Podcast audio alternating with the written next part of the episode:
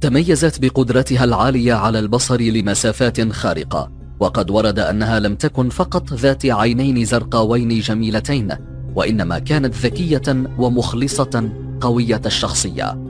الفان جروب بالتعاون مع قناة متع عقلك يقدمان حلقة جديدة من بودكاست حكاية إنسان. إنها زرقاء اليمامة إحدى أشهر شخصيات التراث العربي عبر التاريخ. حدثت قصة زرقاء اليمامة في العصر الجاهلي وقد حدد بعض المؤرخين زمن حدوثها بأنه القرن العاشر قبل الهجرة كما قال بعض المستشرقين أنها حدثت في حوالي 250 قبل الميلاد ويرجح أنها حدثت قبل ذلك ولكن لم يرد عنها خبر مؤكد في الآثار والأخبار.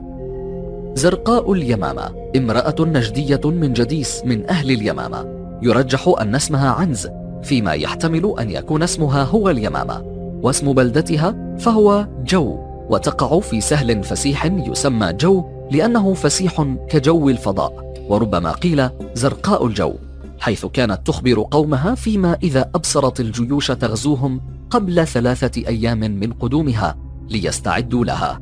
ويقال أنها كانت تبصر الشعرة البيضاء في اللبن وترى الشخص من على مسيرة ثلاثة أيام. وحين تأكد لأهل اليمامة صدق الزرقاء وقوة بصرها بدأوا في الاستعانة بها في مراقبة كل الوارد والصادر لبلدتهم اليمامة. فكانت الزرقاء تصعد إلى برج عال لتراقب مداخل البلدة ومخارجها وتخبرهم بكل قادم إليها.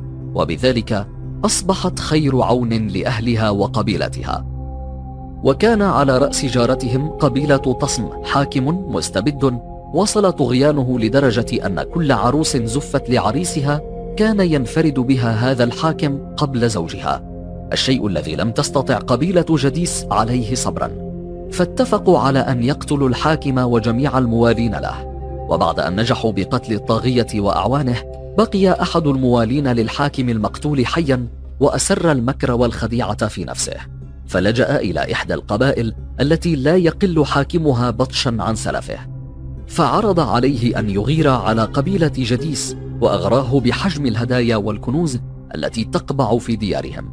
وبعد حديث مطول تمكن من إقناعه كما اقترح عليه أن يستتر جيشه بأغصان الشجر وأوراقها لأن هناك رادارا من نوع خاص جدا ألا وهي زرقاء اليمامة. لما سار حسان الحميري نحو جديس قال له رياح بن مرة أيها الملك إن لي أختا متزوجة في جديس واسمها الزرقاء وإنها زرقاء ترى الشخص من مسيرة يوم وليلة. أخاف أن ترانا فتنذر القوم بنا. فمر أصحابك ليقطعوا أغصان الأشجار وتستروا بها ليتشبهوا على اليمامة. وساروا بالليل فلما دنوا من اليمامة ليلا نظرت الزرقاء وقالت يا آل جديس سارت إليكم الأشجار وجاءتكم أوائل خير حمير فكذبوها. فلما أخبرت زرقاء قومها بأن هناك شجرا يسير لم يصدقوها وسخروا منها فقالوا كذبت أو كذبتك عينك.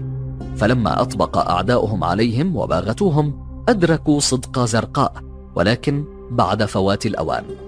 فلما دهمهم حسان الحميري وجنوده قال لها ماذا رأيت؟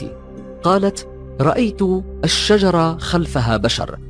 فتأكد من قوة بصرها وبصيرتها وعرض عليها أن تصحبه في كل أسفاره وتكون دليله ومرشده ضد أعدائه مقابل أن يأمنها على حياتها. وإن رفضت سوف يقتلع عينيها ويفقدها بصرها.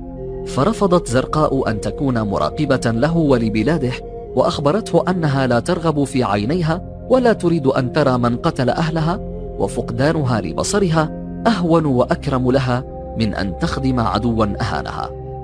فأمر بقلع عينيها.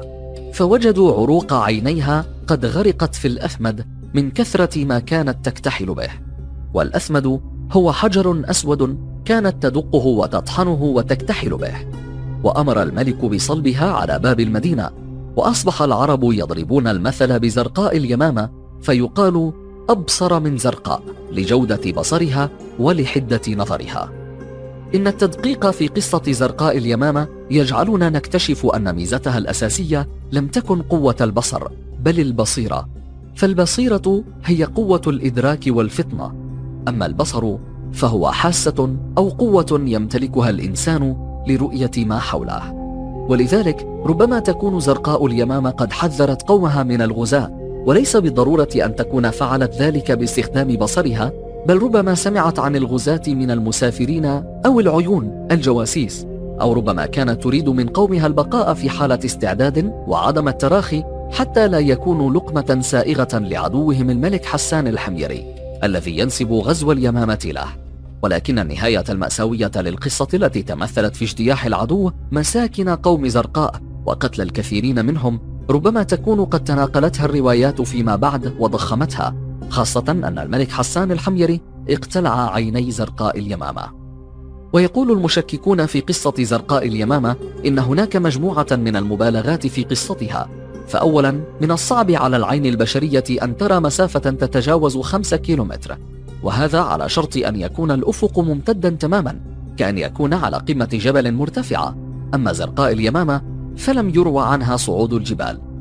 والمشكلة الثانية في قصة زرقاء نابعة من حقيقة أن الأرض كروية وليست مسطحة وهذا يعني أن الأفق بعد مسافة تقارب خمسة كيلومتر لا يعود مرئيا لأنه يغطس وينحني مختفيا مع تكور الأرض. ولا تستطيع أشعة الشمس الالتفاف لتلحقه. ولذلك فمن الصعب رؤية شيء واقف على سطح الأرض يتجاوز بعده عن المشاهد خمسة كيلومترات. وبالمقابل فإن روايات أخرى نقلت عن زرقاء اليمامة تجعل وصفها منطقيا أكثر إذ وصفت بأنها ترى الشخص على مسيرة يوم وليلة وهذا يعني قرابة خمسين كيلومترا. أما بالنسبة لموضوع انحناء سطح الأرض فربما كانت تصعد هضبة أو تلة قريبة من مساكن قومها مما يتيح لها التغلب على هذه الصعوبة ورؤية مسافة أبعد حيث يغلب الظن بأنها قصة من وحي الخيال على حد قول بعض المؤرخين والمستشرقين. إلا أنها تبقى تراثا تزخر به كتب التاريخ. وقد تم ذكرها في الشعر كثيرا وتعد قصيدة البكاء بين يدي زرقاء اليمامة لأمل دنقل أشهر القصائد التي ذكرتها. إلى اللقاء وحلقة جديدة من حكاية إنسان. تقدم لكم بالتعاون بين الفان جروب وقناة متع عقلك